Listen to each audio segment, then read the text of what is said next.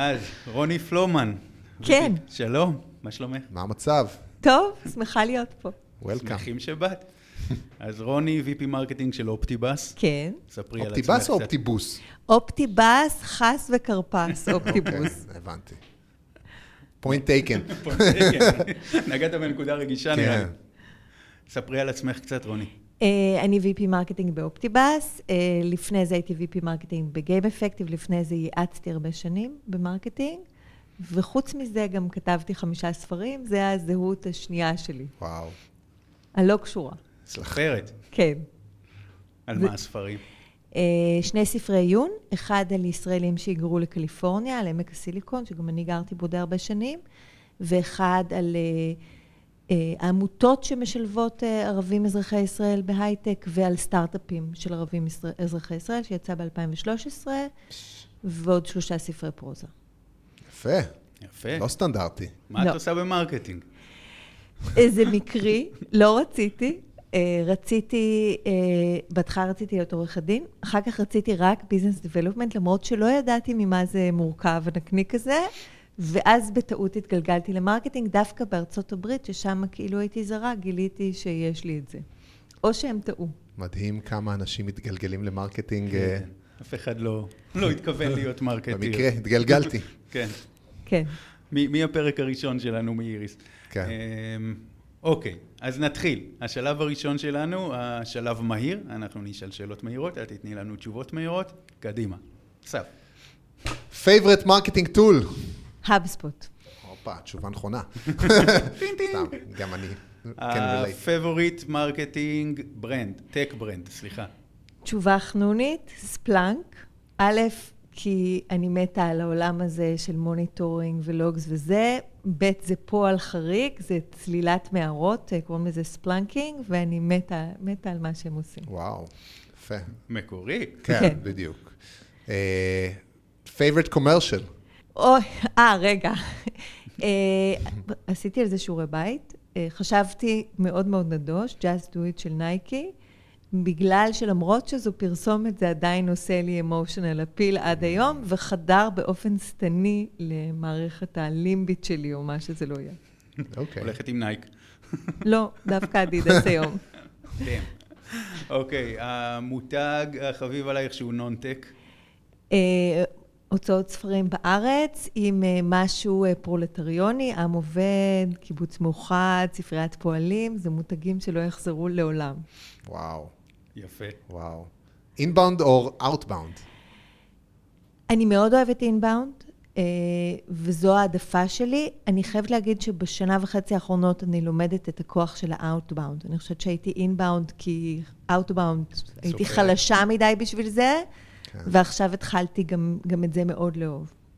אונליין או offline? Online. מעולה. יפה. ולשלב הבא, המהלך שלא יישכח. ספרי לנו על מהלך אחד שעשית שייכנס לספרי ההיסטוריה של השיווק. אה, זה קשה. אה, אני חושבת שהמהלכים שאני גאה בהם במיוחד הם וובינארים שעושים בלי תקציב, זאת אומרת, רק על הרשימה שיש לך ב HubSpot. אה, יש לוובינארים התנהגות ויראלית. אה, אם לא יודעים מה התוכן, עשיתי אחד כזה בתחילת השנה, אפשר להביא פרטנר שהוא ידבר על התוכן, ואתה רק תקשט מסביב במוצר שלך, וזה הולך פיצוץ, ועם ה-SDRים הנכונים זה גם אה, מביא לידים מאוד יפים. אוקיי? ואחרון, ה- ה-glorious failure. אוקיי, אז אנחנו נדבר על יחסי ציבור, אז אני. חושבת שכמעט כל חיי היח"צ שלי, כל חיי היח"צ של אדם מלאים בגלוריאס פליורס, שיש לו סיפורים נפלאים שלא מעניינים אף אחד. לי יש כמה אישיים, אני חושבת שלכל הספרים שלי, אולי חוץ מאחד, אה, עשיתי יחסי ציבור איומים, מכיוון שלמרות שאני אשת שיווק, אמרתי, לא, אני לא אשווק את עצמי וזה, ואני לא אמציא, ופשוט עשיתי עבודה רעה. מזל שאני לא עושה כזאת לחברות שאני עובדת איתן. מראים לנו להנחתה לנושא שעל הפרק, שהוא איך לעשות יח"צ ללא חברת יח"צ בעצם. אז בואו נתחיל ככה ממרום אה, ניסיונך אה, בשוק. מה, מה אה, השינויים, בואו נגיד, שאת תדע להם בעולם ה-PR? אני אדבר על העולם שאני למדתי בו מרקטינג בארצות הברית בשנות האלפיים. בבלי לקח את החברת יח"צ בהמון כסף, הם עשו לך analyst relations. ל trade press אשכרה היה כסף, הם לא היו עסוקים בקבצנות, היה להם כסף והיה להם דעה, שני דברים שהיום אין להם לדעתי. אה, והיה צריך לפנות אליהם ולאנליסטים, וניהלו את זה אנשי PR שהיו דמויות נערצות, שגם המנכ"ל השתחווה בפנים. זה לא קיים היום בכלל. Trade press הם מאוד מאוד רעבים לכסף, לפעמים יש בלוגרים איכותיים. Print אה, מדיה מאוד נפגע, ואני חושבת שאנשים קוראים על זה שה print media מת, הם לא מבינים שיש לזה השפעה מהותית גם על התקציב השיווק שלהם ועל ה-PR כ channel. ואני אגיד עוד משהו אחרון, אם חברה שנגיד עשיתי ל launch לפני עשר שנים והייתה מופיעה ב TechCrunch, היה לה גל של traffic אה, ו- ודברים שהם measurable ברמת היחסי ציבור, היום אני מוכנה לשים כסף שגם מי שייכנס ל TechCrunch עם סיפור המימון שלו, הטראפיק לא יהיה גדול כמו פעם, ותהיה לו משמעות עסקית מאוד מאוד נמוכה. ואלה האמיתות לדעתי שאי אפשר להתעלם מהן, צריך להבין איך עובדים סביבן. מה, למה? אבל איך את מסבירה את זה? את הנפילה... יש מלא רעש. יש מלא רעש. יש מלא רעש, אני מסכימה. יש מלא רעש. אה, יש מלא חברות שמספרות סיפורים דומים, סיפורים כל כמה שאנחנו חושבים שהם נורא נורא מעניינים טכנולוגית, הם לא כאלה מעניינים, זה כזה look what I can do, look what I can do, וזה לא, וזה לא מייצר מספיק traction. יש שווקים, Developer World, דיברנו על Databases לפני זה, שאפשר לספר סיפור מאוד compelling, גם לו יש חיי מדף מאוד קצרים, והקשר... כל דבר יש חיי מדף קצרים נכון. היום. היום כן. והקשר של ה channel הזה, של ה-PR, למשהו שקורה לחברה שיש לו בשר עסקי, הוא פחות חזק מפעם, לצערי. אז רגע, זאת אומרת, זה, זה גישה אה, של אה, לעשות PR ללא אייג'נסי, או זאת אומרת, זה משהו שפעם כן השתמשת בשירותים של אייג'נסי? אני, אני משתמשת באייג'נסי, השתמשתי באייג'נסי גם בשנה האחרונה, hmm. אם כי נגמלתי מזה לתקופה. Uh, השתמשתי באייג'נסי בעבר. נקודת הלמידה שלי הייתה לפני שמונה שנים, לקוח שלי זכה בטק פיוניר של World Economic Forum, ואז אמרתי לו, בוא נזכור חברת יחסי ציבור דחוף. כי הולך ליפול עלינו המון המון coverage, ששם גם ה-coverage היה משמעותי עסקית, והוא לא רצה. והשגנו קילומטראז' מטורף בלי זה. הוא לא רצה, ואני אמרתי, אני לא אטרח אה, להתווכח על זה, השגנו קילומטראז' מאוד רציני בלי זה. אה, זה גרם לי להתחיל להסתכל בכלל על PR ולהבין שתמיד יש נקודה שבה צריך להחליט מה אתה עושה לבד, מה אתה לא עושה לבד. אה, ואיך מנהלים את זה. במקביל התחלתי לקבל, גם החברות י-11 מרגישות את הבעיה. אז מקבלים פרופוזל מחברת PR שיש בו המון מקומות שבהם החברת PR מתווכת ל-pay for play. אומרת לך, אני אסדר לך כתבה ב-Forbes נכון. Technology Council ותשים כסף. כן. או בטרייטק. למאזיננו שאינם בקיאים, מה זה אומר pay for play? Pay for play זאת אומרת שאתה משלם עבור הכתבה בצורה זו או אחרת, בין אם אה, ב trade press זה יכול להיות יחסית נקי, אתה קונה מודעות, אתה מקבל כתבה. אני נמצאת עכשיו בשוק שהוא יחסית מיושן ובו הכתבות האלה ב trade press הן משמעותיות. אה, לפעמים הן לא משמעותיות. יש המון pay for play שמציעים שהוא פשוט זבל. אני בעיקרון לא רוצה אה, לעשות pay for play בעיקרון. כמשהו שממשמע אותי כ-VP marketing בלי קשר לכמה כסף יש לי. אה, ופתאום אני רואה דברים מ-PR agency שאומרים, נכתוב לך את המאמרים, נשים אותם כ-contributed content, נארגן לך pay for play עם מישהו, ואז אתה אומר, אתם לא חברת יחסי ציבור, אתם בעצם עושים השמה של בלוגים אה, באינטרנט. גם אני יכולה לעשות את זה. ואני כנראה אעשה את זה יותר טוב במשמעת יותר טובה, ומכיוון ש-PR הוא לא זול, אני יכולה to redeploy את הכסף הזה למקום אחר. אבל יש, זאת אומרת, זה הכל טוב ויפה ב, זאת אומרת, בתיאוריה. האתגר זה, לפחות הרבה מאוד אנשים אומרים, רגע, יש פה ריליישנשיפס עם הכתבים, הם מקבלים אלף אימיילים ביום, איך אני בעצם חודר את הרעש הזה של הבליץ שהם מקבלים מחברות שרוצות coverage, גורם להם בעצם אה, ומייצר את ה-relationship הזה. שאלת ה-relationship של חברת יחסי ציבור היא אחד המסתורין הגדול של היקום. אני לא יודעת מה התשובה על זה, אם יש להם relationship, אין להם relationship, זה נראה לי קצת כמו אמונה דתית. אם נשים את זה בצד, אני חושבת ש-marketeer אחראי, בלי קשר לחברת ה-PR, צריך שתהיה לו רשימה של כל מי שכותב בתחום שלו, ורשימה שהיא נבונה.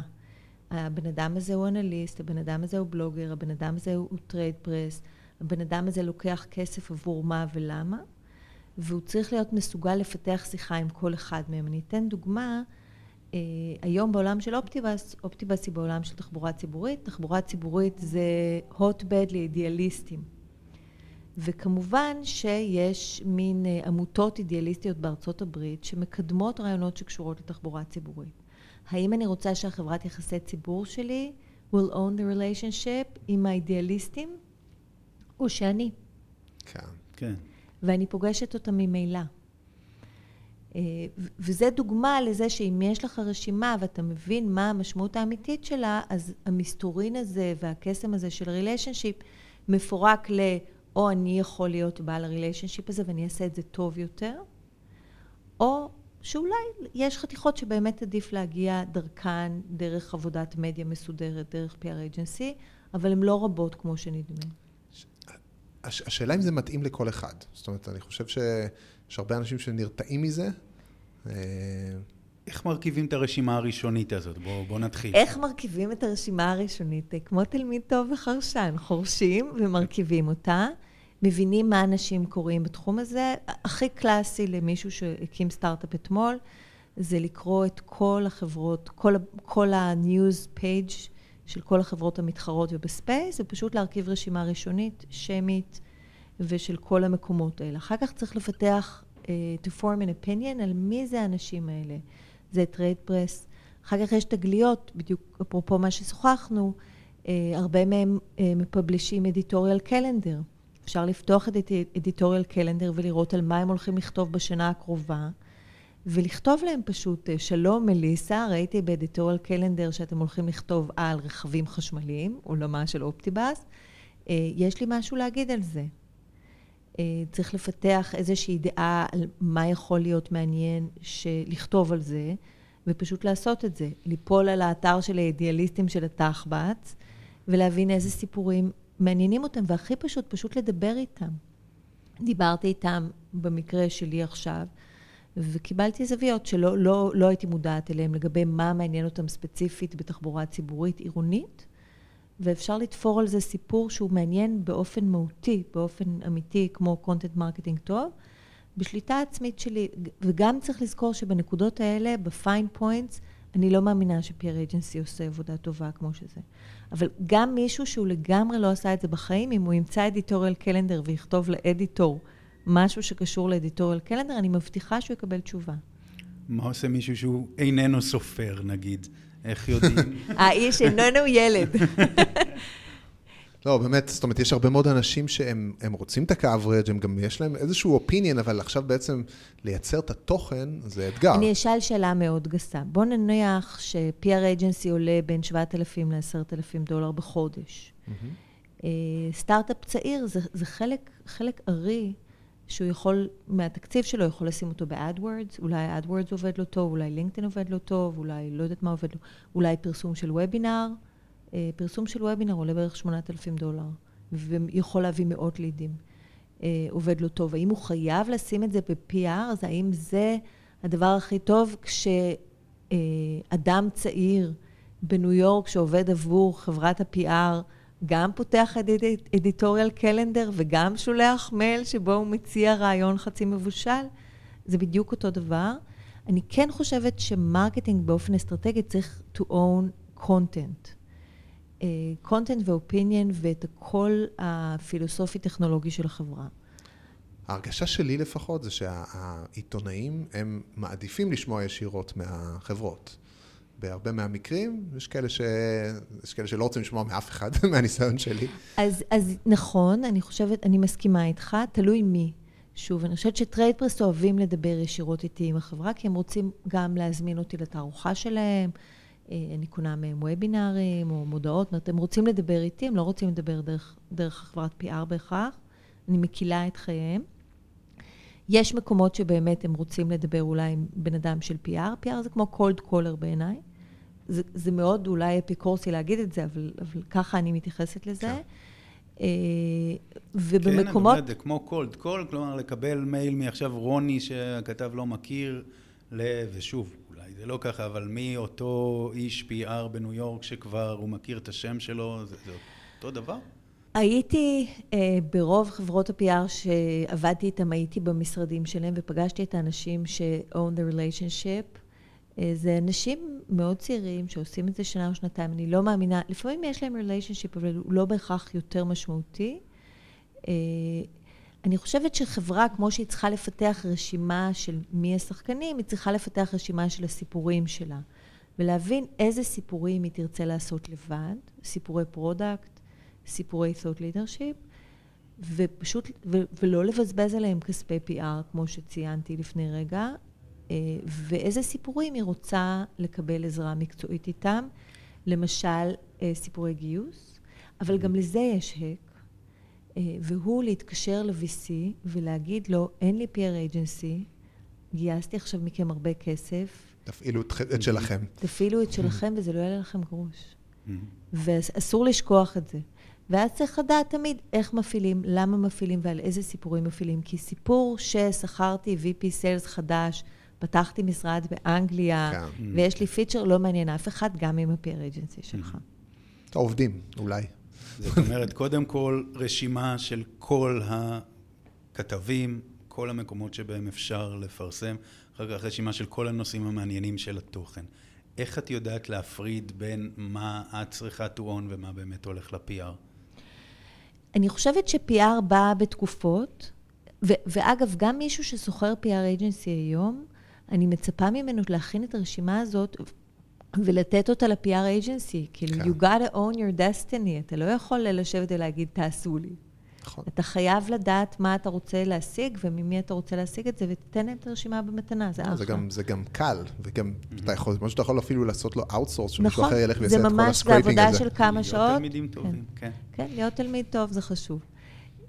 דרך אגב, זה, זה נכון לגבי מדינות דוברות אנגלית בלבד, נכון, אני מניח. נכון, נכון. אתה רוצה נכון, לחדור נכון. לשווקים אחרים. שווקים אחרים זה באמת, אה, אנחנו עכשיו התחלנו לעשות דברים בגרמניה. אה, זה קצת יותר קשה ומסובך. אגב, יש בישראל PR agencies נורא מעניינות שמתעסקות רק בשוק הבינלאומי, ויש, אם מעניין השוק הבינלאומי, עבודה של מכון הייצוא ועבודה של אה, משרד החוץ, וכל הרעש של ה-Startup Nation, אם יש סטארט-אפ שהולך לכאלה כיוונים, אני יכולה לחשוב על לקוח אחד שלי בעבר, אה, זה מביא משלחות עיתונאים אינסופיות לחברה. כן. יש לך סיפור בינלאומי, לך תהיה נחמד למישהו במשרד התמ"ת, ותבין איפה המשלחות שלו ותעשה את הסיפור יפה עבורו. זה אחלה טיפ, אה, ובכלל, מכון הייצוא הרבה מעבר ל-PR. נכון. יש שם כל כך הרבה פעילויות שהם עושים, שהרבה מאוד אנשים לא מודעים אליהם, שזה בעלות זניחה. נכון. אלף שקל בשנה, ואתה מוציאים משלחות לחו"ל, נכון, מוציאים משלחות נכון. מחו"ל לארץ. השתתפות בכנסים בעלויות זניחות, מומלץ בחום נכון. למצוא את אותו האיש שמנהל את הוורטיקל שלכם במכון הייצוא. ו... אז אני עבדתי פעם עם מישהו שהבן אדם שניהל אותו במכון הייצוא ייצר לו PR ששוויו חצי מיליון דולר. לא, לא, מרמת זה, הם עושים, עבוד, עושים עבודה מדהימה. חובה לנסות את זה אם, אם אתה האדם המתאים. מסכים. זאת אומרת, אם, אם יש לך את המוצר הנכון. יפה, אני חוזר לשאלה, אמ, של באמת להחליט איפה את שמה את הזמן שלך ואיפה את עובדת עם, עם סוכנות ה-PR. יש פה באמת אלמנט של, של כסף, את אומרת 7,000 עד 10,000 דולר בחודש, יש פה אלמנט גם של הזמן שלך נכון, בסוף. נכון, נכון. אז קודם כל, שוב פעם, באמיתות של החיים, שגם אם תהיה לי עכשיו חברת PR, ואני אשלח אותם לעמותה של חובבי התחבורה הציבורית, מי שבסוף יכתוב את התוכן זה אני. אני בין אם רעיונית ובין אם ממש פיזית. או כדאי לי שאני אכתוב אותו, כי אני אשיג תוצאה יותר איכותית מהם. זאת אומרת שצריך להבין שכשיש חברת PR צריך להפעיל אותה, וזה גם לוקח זמן לא מבוטל. כן. אל תצפו לניסים. אל תצפו לניסים. אף חברת PR לא. ואם אתם רוצים להסתכל למנכ"ל שלכם בעיניים אחרי שהוצאתם עשרת אלפים דולר בחודש, כדאי שתנהלו אותם כמו שצריך. אז זה אחד. כן. אה, בללכת בלי חברת PR, אני חושבת שאפשר פשוט להגיד, אוקיי, כבר החלטתי ללכת בלי חברת PR, אז אני אתאמץ על זה פחות. אה, החודש, וזה בעיה. אני מנסה לקשור את הכל ביחד. אז נגיד, עשיתי עכשיו וובינר על משהו מאוד איזוטרי בעולם האוטובוסים, שאני לא אלאה אתכם פה, אה, אבל אני יודעת שווריאנט שלו מתאים ל-product story, ועוד וריאנט שלו מתאים לאידיאליסטים של התחב"צ. אז אני ממשמעת את עצמי לעשות את זה. אה, את יחסי ה-trade press נתתי למישהי שממילא מתעסקת בכל מיני דברים שקשורים ל-trades, אז, אז היא פשוט עושה את זה כחלק מהעבודה שלה, ואנחנו עושים את זה כמעט באותו מאמץ, כאילו היה לנו PR agency, זאת אומרת, כמעט אותה עבודה, אה, בלי להוציא את הכסף, שאני אקח בחזרה את ה-PR agency כשיהיה לי סיפור גדול שאני רוצה אולי שיגיע לקהל של משקיעים או למאס מדיה. ועוד אמת גדולה על PR, אם אין לך סיפור טוב, אתה לא תגיע רחוק. כן. אז אם אני רוצה לספר על המוצר, אבל אין לי אף user ביבשת שבה אני רוצה לעשות PR, אז אולי כדאי לי לעשות PR לבד, זמן מה, עד שהסיפור הגדול קופץ אליי, ואז אני יכולה לרוץ איתו. אז את אומרת, דווקא שיש סיפור גדול, כן ללכת לחברת כן, PR? כן, כן, לא צריך להיות uh, חובב סיכונים ובקטע אקסטרימי של uh, לחיות בלי פלסטיק ובלי פליטת גזי חממה. לא, זה אחלה. זה אחלה, זה אחלה בגדול, אבל צריך לעשות את זה בתבונה. אה, טריק או hack מאוד נחמד, אה, שיש אנשים שלא מודעים אליהם, זה שאתה לא חייב עכשיו לקחת PR agency ולהתחתן איתם למשך שנה. נכון. אה, דבר שעשיתי בעבר ועבד מדהים, זה בעצם הלכתי, זה די קרה במקרה, אבל מאז עשיתי את זה כמה פעמים, הלכתי, חיפשתי מי ה Rolls Royce של התעשייה שלנו, מי החברת PR שעובדת עם החברות הכי גדולות בתחום. ופניתי אליהם, המחיר היה אסטרונומי וקיצוני, ואז אמרתי להם, תשמעו, זה way, way, way out of my budget, ואולי אתם מכירים מישהו? אז אמרו, אה, ah, כן, יש את ג'ניפר שהייתה פה בדיוק והיא עכשיו בחופשת לידה, אולי תרצה לעשות איזה פרויקט. אז בעצם אתה לוקח מישהי או מישהו שעבד שם, ועכשיו הוא עובד בפרילנס, ומוכן לעשות פרויקט שיעלה לך 2,000 דולר. זה משהו פרויקטלי ו- ונקודתי, אבל יש לו עדיין את אותם קשרים ואותם היכולות, מומלץ בחום. hack מעולה, לא ניסיתי. אני מנסה באמת לחשוב עליהם כאל משהו שאני לא לוקחת PR לשנה שלמה, אלא מכבה ומדליקה. עוד hack לדעתי זה להבין ש analyst relations זה משהו שצריך לעשות לבד. כן. עם. מייל מהמנכ"ל, ופשוט תחשבו על proposal קלאסי של PR agency, הוא יכיל analyst relations, הוא יכיל כתיבת מאמר שאתם לא כן. מעוניינים mm-hmm. בו, ו placement שלו. אפשר להוריד את זה ולפרק את זה לתמצית שמישהו עושה לך cold calling למדיה אמיתית בהרבה פחות. כן. כן. מודולרי, הצעות מודולריות, אני מסכים mm-hmm. לחלוטין ש-Analyst Relations, also known as AR, זה משהו שלא יכול לשבת נכון, בחברת... נכון, נכון. זאת אומרת, זה יותר מדי טכני ויותר מדי uh, close to home, וה-executive team צריך להיות מאוד מעורב שם. וה-executive team, uh, המייל של המנכ"ל מתקבל בחפץ לב על ידי אנליסט. נכון. כן. אז תגידי, בואי נחזור, מה, מה בעצם ארגז הכלים אה, שצריך בשביל לעשות PR ללא PR? רשימה, דיברנו עליה, mm-hmm. סיווג של הרשימה, אה, איסוף מיילים, כמו כל אה, SD טוב, mm-hmm. אה, יצירת סינופסיסים קצרים לסיפורים שונים שאפשר לספר, editorial calendars, למי שיש לו editorial calendar, סימן שאפשר לפנות אליו לדעתי בלי חברת PR. זה הייתי מסתכלת על זה כ... איפה מוצאים את ה editorial calendar? אם אני נכנסת לכל trade press בעולם... אה, דוגמה? ל trade press? אני חושבת כרגע על עולם, עולם האוטובוסים. אני, כן. אני אחסוך מכם את זה, אבל אני בטוחה שבכל תחום... בטוח שחלק מהמאזינים ירצו אוקיי, לקרוא נלך, על... נלך ל Mass Transit Magazine, מגזין מרתק על אה, תחבורה ציבורית. אה, יש שם באתר Contact Us, אפשר לראות את ה-Editor in Chief, אפשר לכתוב לא עולה, ויש editorial calendar ליד ה-Media Kit. ה-Media Kit זה למפרס... איך לפרסם, כן. וה-editorial calendar בדרך כלל יכיל משהו כמו שניים עד שלושה נושאים למגזין, מחולק על פני חודשי השנה, עם דדליינים. וזה נורא נורא פשוט. כן. פשוט אפשר להעתיק את זה לתוך היומן ו- ולפנות משם. Mm-hmm. Editorial calendar. כן. ידעת שזה קיים בכלל? ידעתי שזה קיים, אני לא, האמת שלא עשיתי עם זה שימוש עד היום, בעיקר editorial calendar של אנליסטים השתמשתי, כי הם גם בעצם מפרסמים מראש נכון. על מה. הם הולכים לכתוב, ואז אתה יכול באמת גם להרים להם להנחתה ו- to get their attention. ובכל טרייד ששולחים אליו, אה, הם מפרסמים משהו כמו שבועיים לפני את הרשימה של הכתבים שהולכים להיות שם, אפשר פשוט לפנות אליהם. אה, במקום שה-PR agency יפנה אליהם. אני מזהירה שחצי מהעיתונאים so called יבואו, ינסו למכור לכם משהו. אבל זה עדיין שווה את זה. אה, ובקטע של בלוגרים שכותבים על דברים שמנסים BI, מנסים open source, software וכולי, פשוט שהמנכ"ל יכתוב להם מייל. צריך לבקש רשות מהמנכ"ל אה, לכתוב אה, מיילי צללים בשמו, זה עובד מעולה.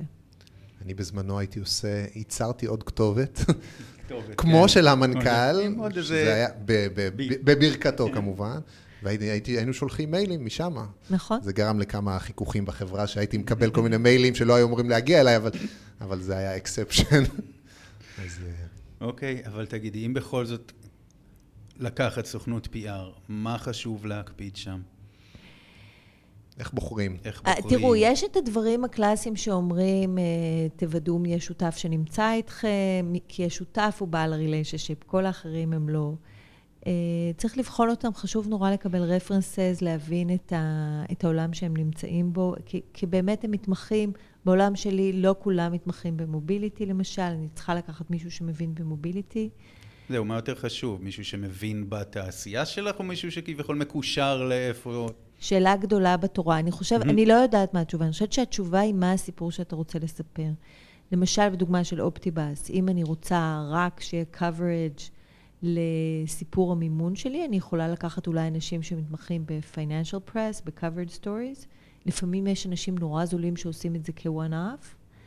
אה, ואם אני רוצה סיפורים גדולים על מוביליטי, אני רוצה להיכנס לניו יורק טיימס עוד כמה זמן, אני יכולה לכוון לאג'נסי כזה, אבל אני צריכה להבין שאני אצטרך לייצר להם סיפורים מעניינים חודשים רבים, ובעיקר לא להתבלבל. אם הם מייצרים לי contributed content שגם אני יכולתי לייצר לעצמי, אז האם היה נכון לקחת אותם? אוקיי? ותגידי, בואי נדבר שנייה על זה ב context היותר רחב של כל ניהול הזמן שלך, אוקיי? בסוף, כמה את חושבת נכון להשקיע ב-PR מתוך סך העוגה של הזמן שלך בסוף כ-VP marketing שהוא מוגבל? זה גם שאלה נורא גדולה. ב... אני חושבת ש-PR הוא מקום שבו ה-VP marketing הוא individual contributor. או לפחות ככה אני רואה את זה אצלי. יש דברים שאני יכולה להאציל בהם סמכויות ושאנשים אחרים יעשו את העבודה, ויש מקומות שבהם האחריות עליי להיות individual contributor. אז כמובן, כשאני individual contributor, בסוף אני אשב ואני אכתוב את הסיפור. אה, מצד שני, זה מקום שצריך להיות מאוד יצירתי בו, ואם עושים אותו נכון, יש לו רוור... השלכות לכל מה שאני עושה כ-VP marketing, בין אם זה סיפורי מצגת, סיפורים למשקיעים וכולי, אז זה שווה את זה. מאוד מאוד תלוי, אני לא יכולה לתת את התשובה, לא רבע משרה, פחות.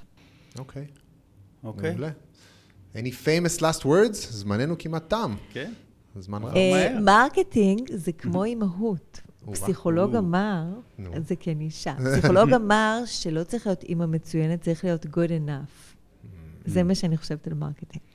אז תהיו good enough, תהיו good enough. חברים. אין מושלם. אין כן. מושלם. אין מושלם. זה נכון. תגידו ל-CEO, אני good enough. נראה אתכם. good enough. בדיוק. אה, טוב, מעולה, זה היה מרתק. תודה רבה. תודה, תודה רבה שבאת, רוני. עד הפעם הבאה. עד הפעם הבאה. נסעת לפה באוטובוס? באתי ברגל.